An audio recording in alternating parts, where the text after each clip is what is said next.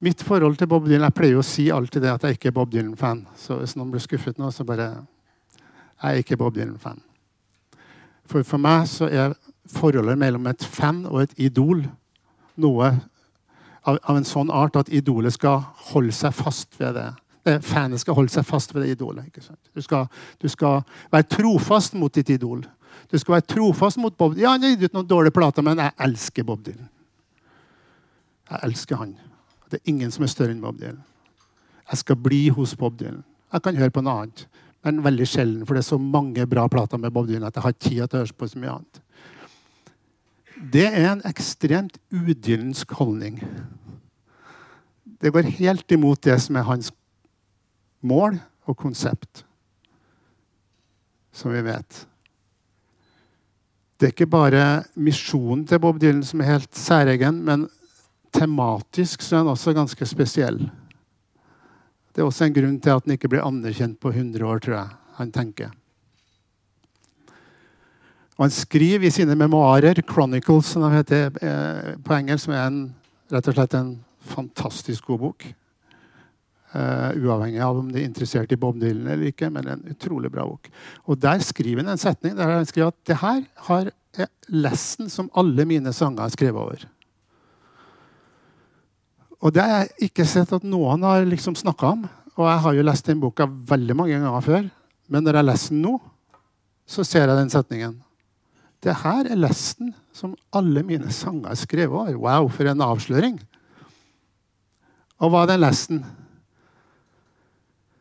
Jo, det er Han kom over når han satt på biblioteket i New York når han var 60-61, når han var 20-21 år, og studert mikrofilmer fra den amerikanske borgerkrigen. Dagsavisa fra da. Og så hva som foregikk der. Eh, all den meningsløse volden, den meningsløse krigen. Eh, og så sier han det her Den grusomme sannheten om menneskenaturens innfløkthet. Og de meningsløse krigene som er i stand til å lage. Det er lesten som alle mine sanger er skrevet over. Det er interessant. Skal vi se, Hvor finner vi det hen i hans kunstnerskap? Ja, klart Vi finner det i 'Times That Are Changing', 'With God On Our Side', mange av de politiske sangene på de tidlige albumene. Og så begynner han å skrive mer poetisk og annerledes. Um, men du ser at det er gjennomgående et maktperspektiv i sangene hans. Og særlig det som har kommet på 2000-tallet.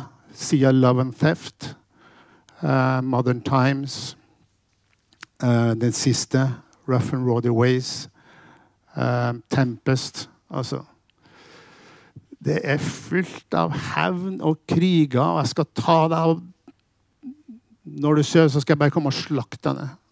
Og så er det samtidig kjærlighetshistorie oppi det her.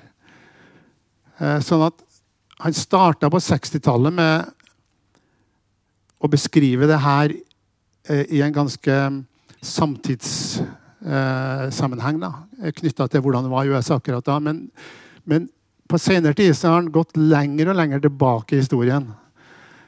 Til de romerske keiserne, til Ovid. Eh, og, å skrive mytisk om det her. da. Men det handler virkelig om alt det vi mennesker steller i stand. Og en av de største inspirasjonskildene til Bob Dylan, en person som han kaller en profet, det er Clausewitz, som har skrevet et vanvittig svært verk om krigen. Det er liksom en bibel for Bob Dylan.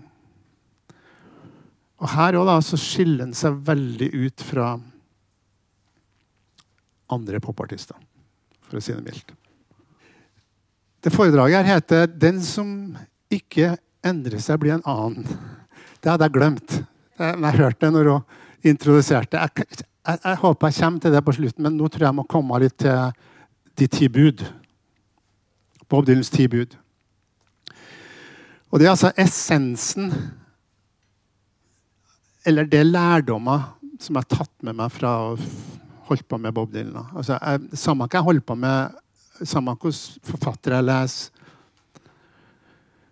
Eh, om det er Jon Foss eller Dag Solstad, eller om det er hva slags kunstner jeg er opptatt av. Så jeg, jeg leter alltid etter det som jeg kan ta med.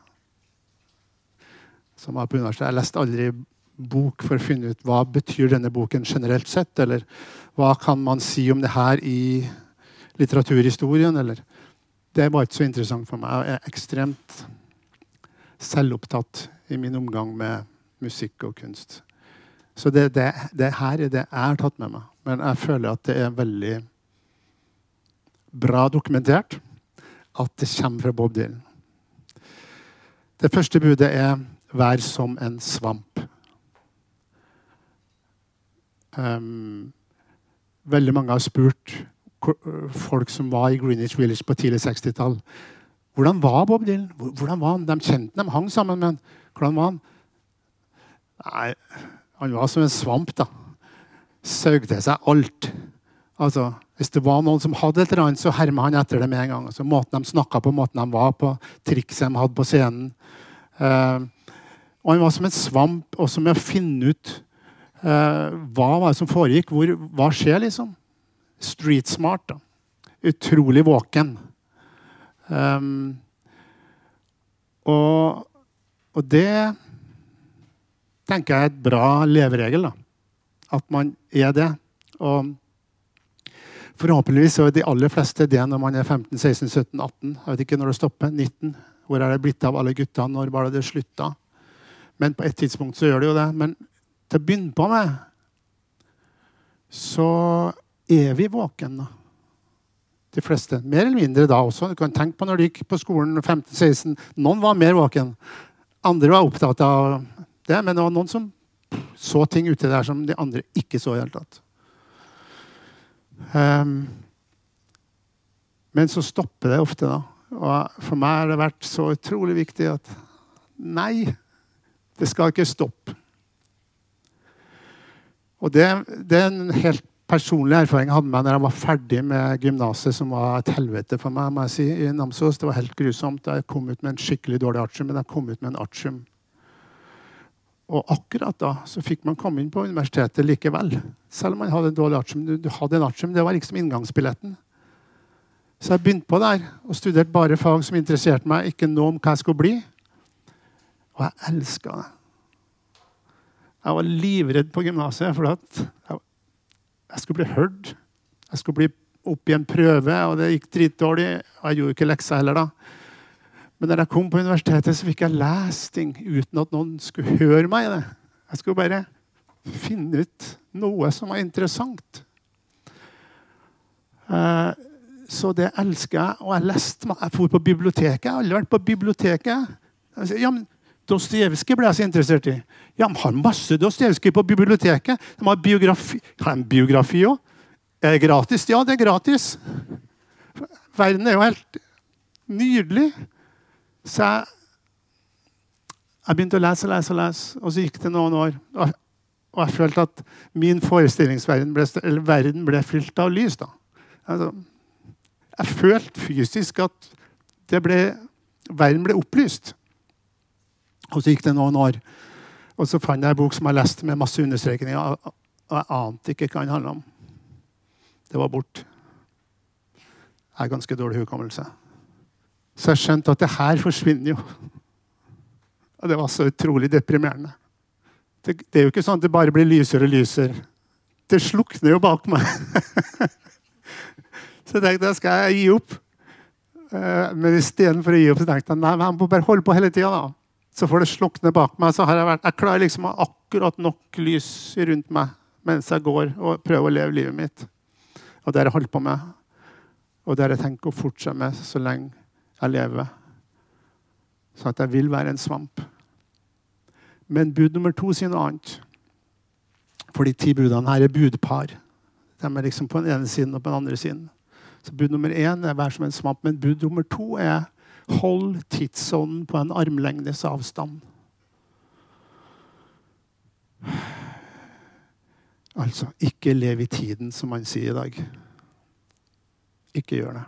Vi lever jo i tiden. Og vi er alle en del av tidsånden. Du blir aldri fin. Men du må være bevisst på at tidsånden fins. Og prøv ikke å leve utafor tidsånden, men hold på avstand. da. Sånn at du vet at mye av det som skjer her, det er tidsånden. Mye av det jeg mener og føler og tenker, det er tidsånden. Så Bob Dylan, som var en svamp, han var ikke så interessert i samtida, egentlig. Så jeg, nei, det brydde meg ingenting om. Han var mye mer opptatt av å studere de mikrofilmene på biblioteket.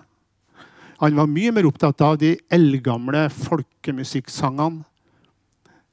Eh, de svarte bluessangene. Eh, alt det der som en fikk tak i og hørte på radioen nede i sørstatene, og som etter hvert snakka med folk. For det her var nesten umulig å finne. Det fantes ikke på butikker. sånn Du måtte bare lete etter det. Så der fant han det. Altså, for han var det totalt uinteressant å leve i tiden. Hold den på avstand. Og et eksempel på En måte å holde tidsånden avstand på kan du oppnå bare ved å følge bud nummer tre. For det er kjenn tradisjonen inngående. Studer tradisjonen innenfor det du holder på med, eller alt mulig annet. Studer historien. Det er veldig få artister som er så opplest på musikkhistorie, på filosofihistorie, på litteraturhistorie, på statsteorihistorie, på teologi som Dylan. Altså, han har forska på det i hele sitt liv ekstremt kunnskapsrik. Og hvis du, forsker, hvis du, hvis du leser masse og studerer en annen tid, så er det mye lettere å se tidsånden nå. Ja, sånn var det da. Men nå er det sånn. OK. Ti år så er det sånn. Annerledes. Fryktelig interessant. Men vi må være bevisst på at vi er en del av tidsånden, og prøve å være bevisst på at den er der. Men bud nummer tre sier kjenn tradisjonen inngående. Så kan man spørre hvorfor skal vi kjenne tradisjonen inngående.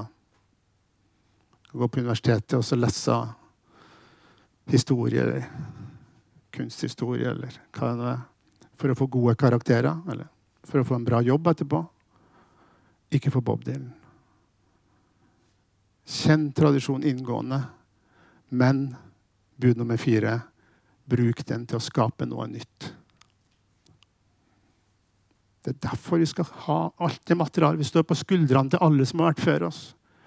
Men vi skal bruke det. Vi skal ikke lære oss det for å bevare det. Vi skal lære oss det for å ha det, sånn at vi kan bruke det til å skape noe nytt. Og det mener jeg vi ser spor av i hele Bob Dylans katalog og kunstnerskap. Alle tekstene, alle referansene. Ikke bare i tekstene, men også i musikken. I alt han gjør, så er det enormt med referanser. Der han bruker det for å skape noe nytt. Han stjeler jo masse, ikke sant? Og på, um, på den um, Modern Times-plata, som jeg syns er en veldig nydelig plate, der, der stjeler ganske mye fra en uh, Tim Rod, en poet fra borgerkrigen, da, som er liksom tidsalderen til Bob Dylan. Så er det noen som har funnet det og som konfronterer henne med, og Bob Dylan blir pissesur. Og så sier han Ja, har du forresten hørt om han her før? Punkt én. Og punkt to. Har du lyst til å ta, ta en linje fra han og se om du klarer å skape noe interessant? Tror du det er så lett? Det er ikke så lett. Men Bob Dylan kan det. Og han har gjort det gang på gang på gang. Og et veldig godt eksempel synes jeg, er den Highlands med på Time Out of Mind, som er et uh, strålende album fra 1998. vel. 13 minutters sang til slutt, snakkesang, som heter Highlands. Den er basert på et dikt av Robert Burns, et veldig kjent dikt av den skotske poeten. Hvis du ser originalen, og så ser du teksten til Bob Dylan, så er det bare løfta til et annet nivå. altså. Uh, så det er ikke bare å stjele. Du skal skape noe ut av det. Og det er overførbart på alle områder.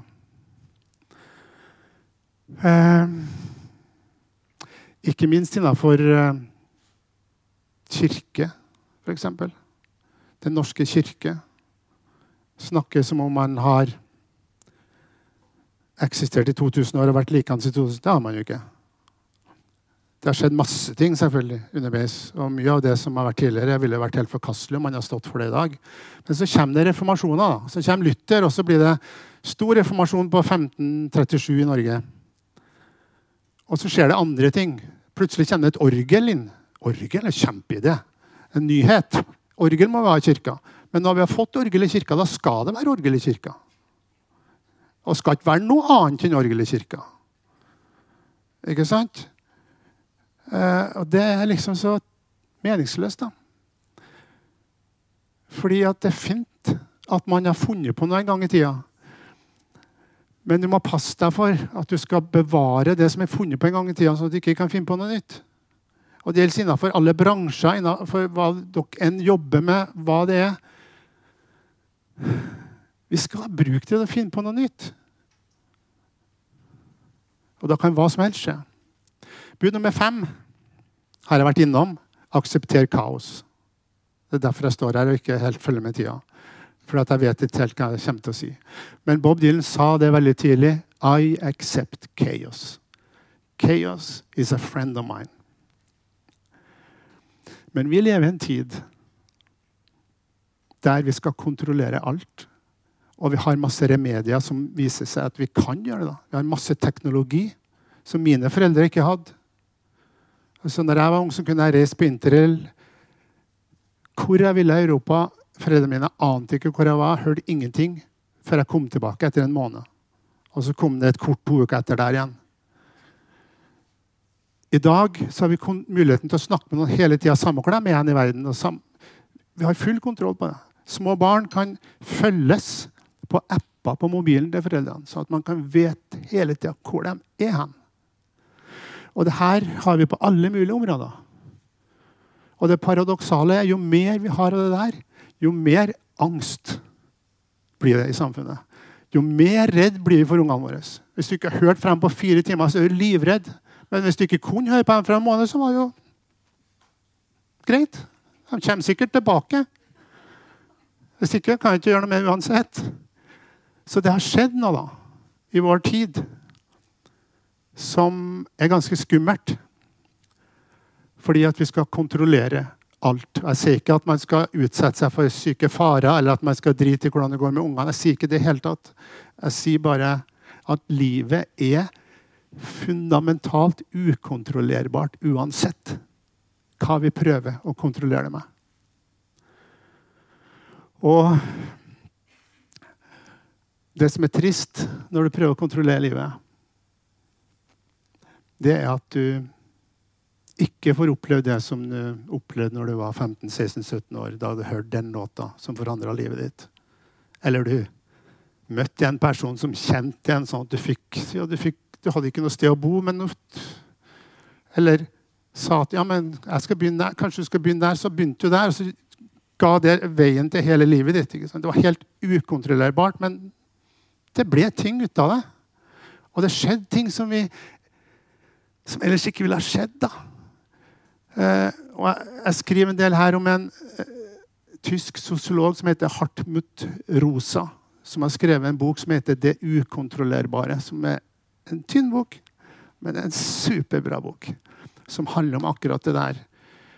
Eh, at vi i vår tid er ute av stand til å takle det usikre. Det som vi ikke kan kontrollere. Vi blir superstressa av det. Også sinn. For han er opptatt av resonans. Det forrige boka hans heter resonans. At vi skal være i et forhold til verden sånn at vi har en resonans til verden. Da kan det skje ting. Eh, vi kan forvandles som mennesker. Som det skjedde den gangen jeg hørte den låta eller møtte det mennesket. Så ble mitt liv forandra. Men hvis alt er kontrollert Ungene vokser opp. De skal ha gode pedagogiske lærere selvfølgelig i barneskolen og lære masse ting der. Og så skal de inn på skolen, og så skal de lære masse der. Og så skal de veldig tidlig bestemme seg for hva de skal bli. Og foreldrene er ikke fornøyd med at det er bare skolen. Vi må jo også kurse dem på piano og, og fotball og fiolin og gitar. Og, og, de skal være gode til alt. Og de skal utdanne seg innen en eller annen bransje der det faktisk fins jobber, sånn at vi vet at de er sikra jobb, sånn at alt her går bra med våre barn. Det lina opp, da.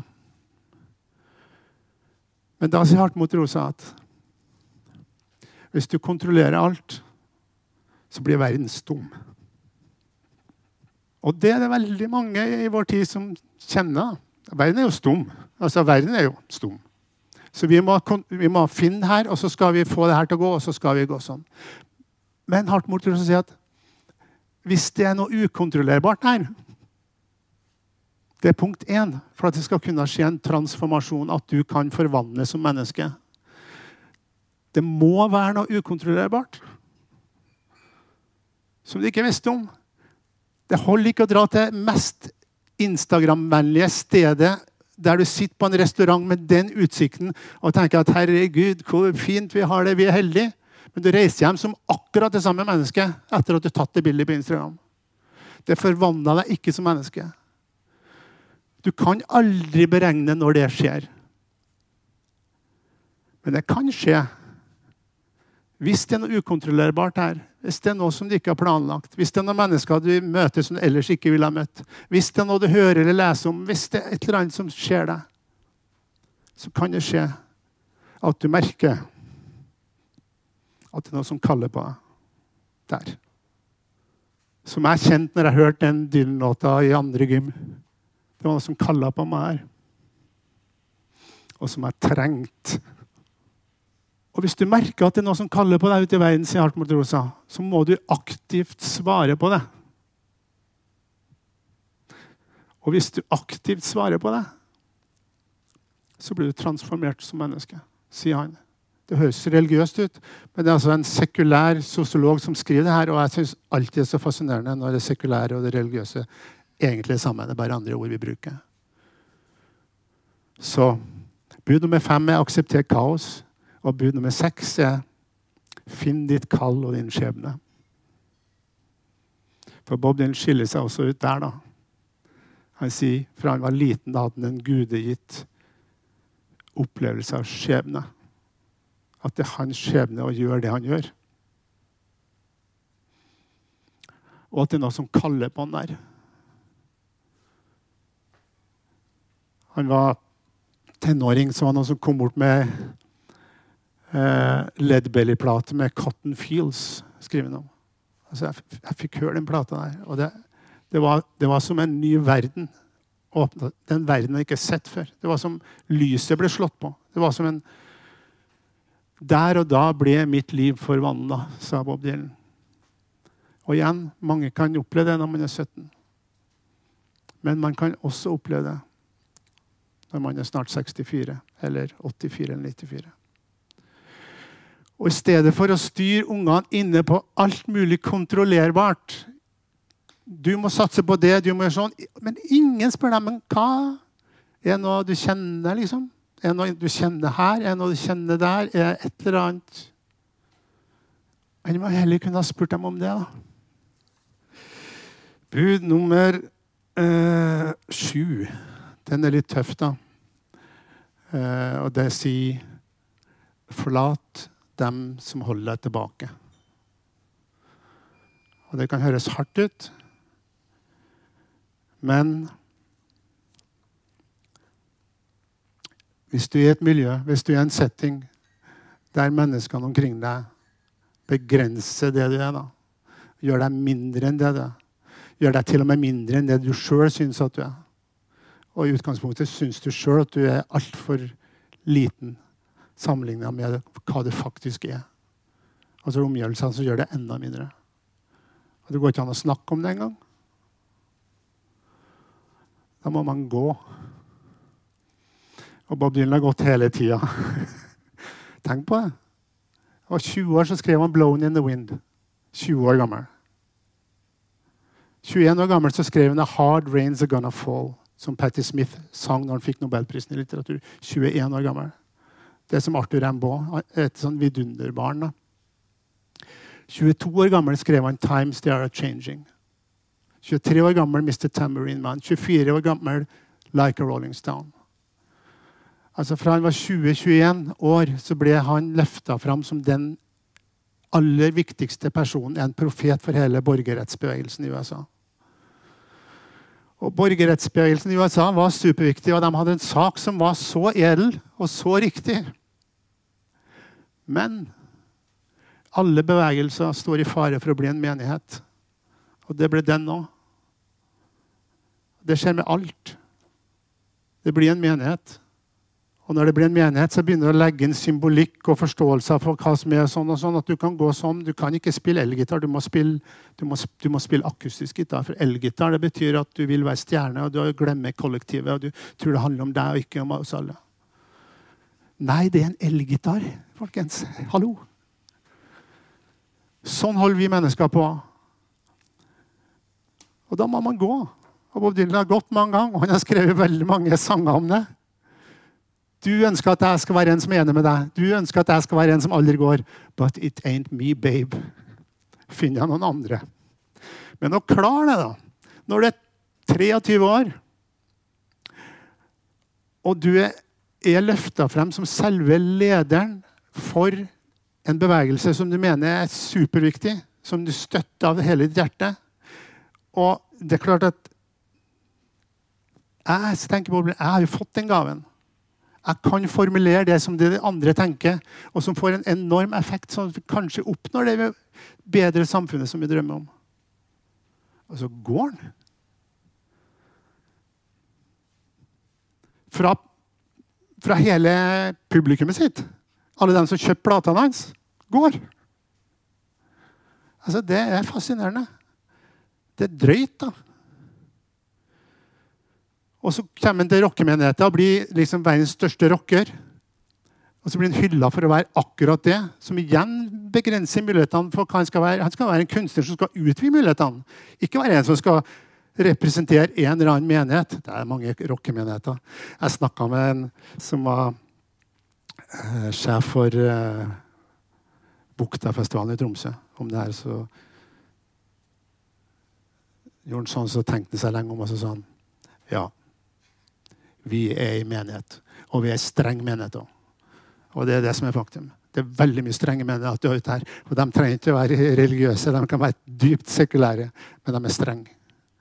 Men Bob Dylan altså, han hadde ikke lov til altså, Han skrev en sang eller Han ga ut albumet Nashville Skyland. Bare det å dra til Nashville, konservative Nashville, og framføre countrymusikk, som var den musikken som foreldrene til rockerne elska som var konservativ. ikke sant? Det var, det var konservativ, hvit musikk. Mens rockerne var progressive. Men skal vi være fornøyd med det? Eller skal vi gå inn og lage en countryplate som ikke er konservativ, og så bryter vi opp denne murene der også? Det skal vi. Det gjorde Bob Dylan. Og etter det så har liksom countrymusikken aldri blitt sett på på den samme måten. Det er blitt helt nye muligheter. Og så gjør han det samme når han blir født på ny i 78 og gir ut sine krasse, harde, men av og til vakre, evangelikale, eksplisitt kristne sanger. Og så går han fra det, for det ble jo også helt altfor strengt. Eh, og så har det andre oppfatninger om en sånn artist. det at Rocken er jo da for ungdom. ikke sant? De som starta her, visste jo ikke hva de skulle gjøre etter de var 30. For da var det jo ferdig. For det har jo aldri eksistert før. det er som pandemien, Vi vet ikke hva det er. Rocken kom, og man vet ikke, Det må jo være ferdig, for det er jo ungdommen sin musikk. Og når Bob Dylan fylte 30, så var det en sånn stripe med knøttene. Charlie Brown. Som bare var skikkelig deprimert. Og så ble jeg spurt hva er det for noe. Bob Dylan fyller 30. I dag fyller han 80 og er en lys, levende, superrelevant kunstner 50 år etter at han fylte 30. Og allerede i 1997 så ga han ut 'Time Out of Mind', som er et rockealbum om det å bli gammel og dø. Og det var altså første gangen noen gjorde. For det er liksom ikke sjangeren for det. Jo, det er sjangeren for det. Hør på den plata.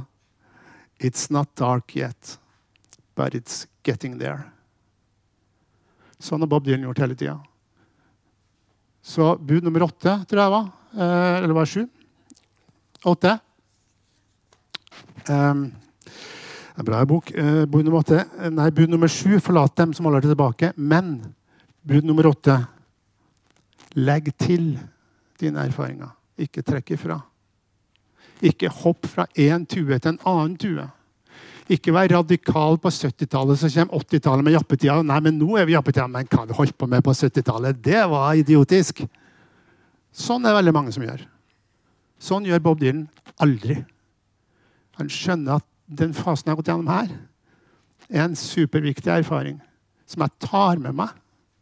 Og Hvis dere studerer Bob Dylan og ser hva han har sagt opp gjennom livet sitt Han har aldri tatt avstand fra noen av sine faser. Aldri. Og jeg syns det er et utrolig fint bud da, i et liv. For at vi skal gå videre. Vi skal gjøre noe annet. Det betyr ikke at det forrige var dårlig. Det er jo inni meg. Jeg vet jo at inni den 63 år gamle kroppen her, så er det en 18-åring som er altfor skråsikker på hva han mener. Og det er en liten astmatisk fireåring som ikke vet hva han skal gjøre av seg for at han var på sykehus i fem uker uten at foreldrene får lov til å besøke ham. Den gutten fins inni her. Så får vi så mye rikere liv, da. Vi, vi blir så mye mer. Mens alle de menighetene skal gjøre oss mindre og ensarta, så kan kunsten hjelpe oss til å bli ambivalente. Eller at vi kan inneholde et kor. Da. Jeg tenker at jeg har et kor inni meg av stemmer. Noen er veldig vennlige og hyggelige. Noen er egoistisk. Noen er tenker tanker som jeg syns er dårlige. Men jeg aksepterer dem. De er med i koret. Hør på dem som er borti der, som også er med i koret. Men jeg er også en dirigent, da. så jeg kan bestemme hvem som skal få lov til å ha fremtredende rolle i alle de stemmene som er i koret der. Um, jeg tror jeg ikke rekker de to siste, så det må leses i boka. Men, uh, men, men, uh, men akkurat dette er et viktig poeng å, å, å slutte med, tror jeg. Fordi alt det Bob Dylan har gjort, handler om at vi skal kunne anerkjenne og akseptere og inkorporere så mye mer. da. Uh, og den første sangen på den siste plata til Bob Dylan heter 'I Contain Multitudes'. Jeg inneholder massevis. Og det kan stå som overskrift på det Bob Dylan har holdt på med hele sitt liv. Det er utrolig at han ikke har skrevet en sang med den tittelen før. Eh, og når han ble spurt noe om hvordan den sangen kom til, så sa han Nei, mediterte den frem, da. Så det, det, er sånn jeg gjør. Jeg mediterer. Men, men tittelen kom først. Så når jeg hadde tittelen, så, så, kom resten. Men tittelen har han jo stjålet fra Walt Whitman. Det sa han jo ikke noe om. Jeg har jo alltid tenkt på Bob Dylan når jeg leste diktet av eh, Walt Whitman, der han plutselig sier Do I contradict myself? Very well. I contain multitudes, sier Walt Whitman. Og det har Bob Dylan alltid sagt også. Og at vi klarer å anerkjenne de motstridende stemmene inni oss. At vi ikke er enten-eller. Vi er alltid både-og. Og at det f.eks. ikke bare går an, men er utrolig vanlig å ikke tro på Gud og tro på Gud samtidig. Jeg skulle egentlig snakke med dere om at det, den som ikke forandrer seg, blir en annen. Um, det siste budet her heter Det siste budet her er et problematisk bud. Jeg kan bare si det, Så kan dere lese boka hvis dere lurer på mer. Men det, er et problematisk bud fordi at uh, det sier He not busy being born is busy dying. Den som ikke er travelt opptatt med å fødes, er i virkeligheten travelt opptatt med å dø.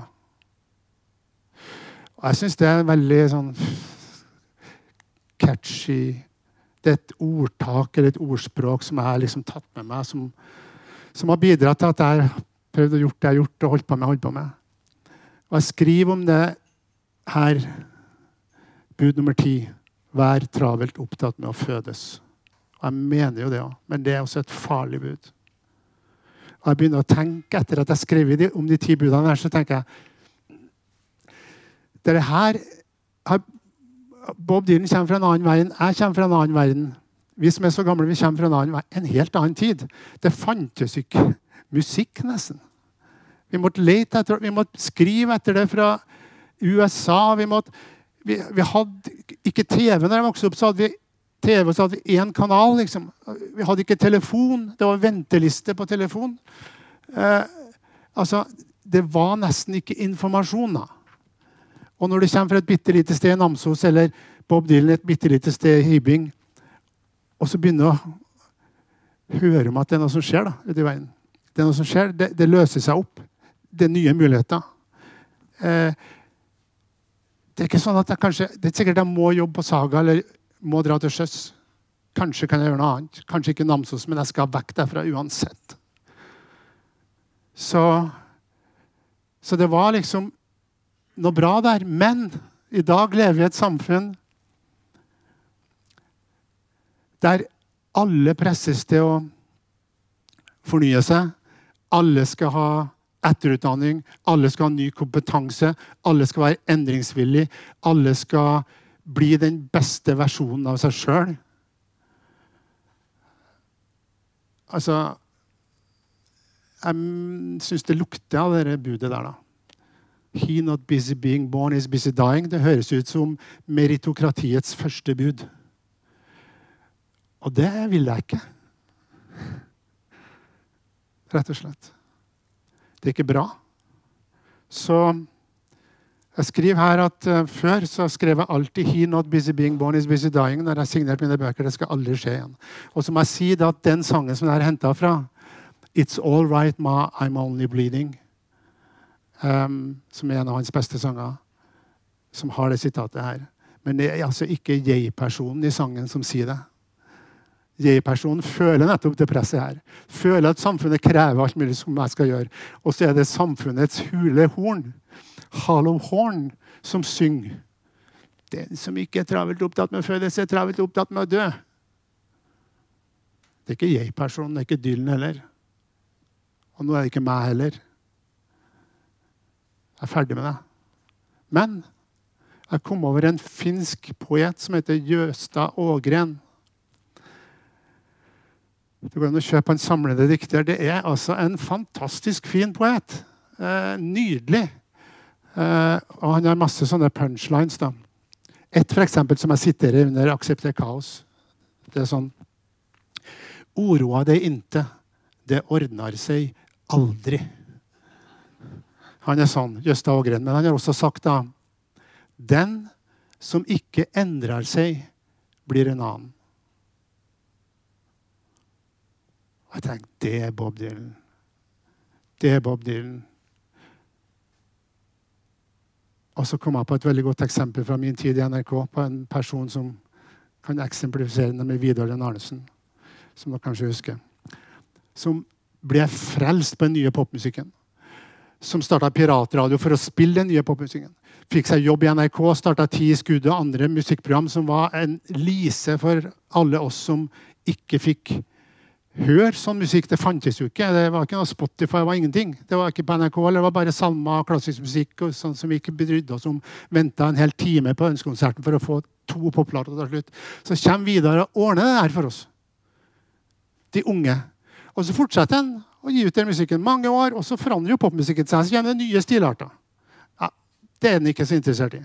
Og så kommer det enda flere nye stilarter. Så liksom etter hvert så begynner Vidar å spille gamlepop for de gamle. Akkurat samme musikken, men konseptet har forandra seg. Det var de unges musikk. Det samme musikken. Det ble de gamles musikk. Og på slutten av sin karriere så var han så rasende på NRK for at NRK kun brød seg om de unges musikk, og ikke vi gamle sin musikk. Ikke sant? Så Vidar Arnesen hadde ikke forandra seg en centimeter. Men han hadde blitt en annen. Og motsatt med Bob Dylan. Han har forandra seg hele tida. Kontinuerlig i tilblivelse med noe annet. Og fordi at han har gjort det, så er han like relevant, like viktig når han fyller 80, som han var når han var 20. Den som ikke endrer seg, den som aldri forandrer oss, blir en annen. Da kom jeg frem til temaet likevel. Tusen takk for meg.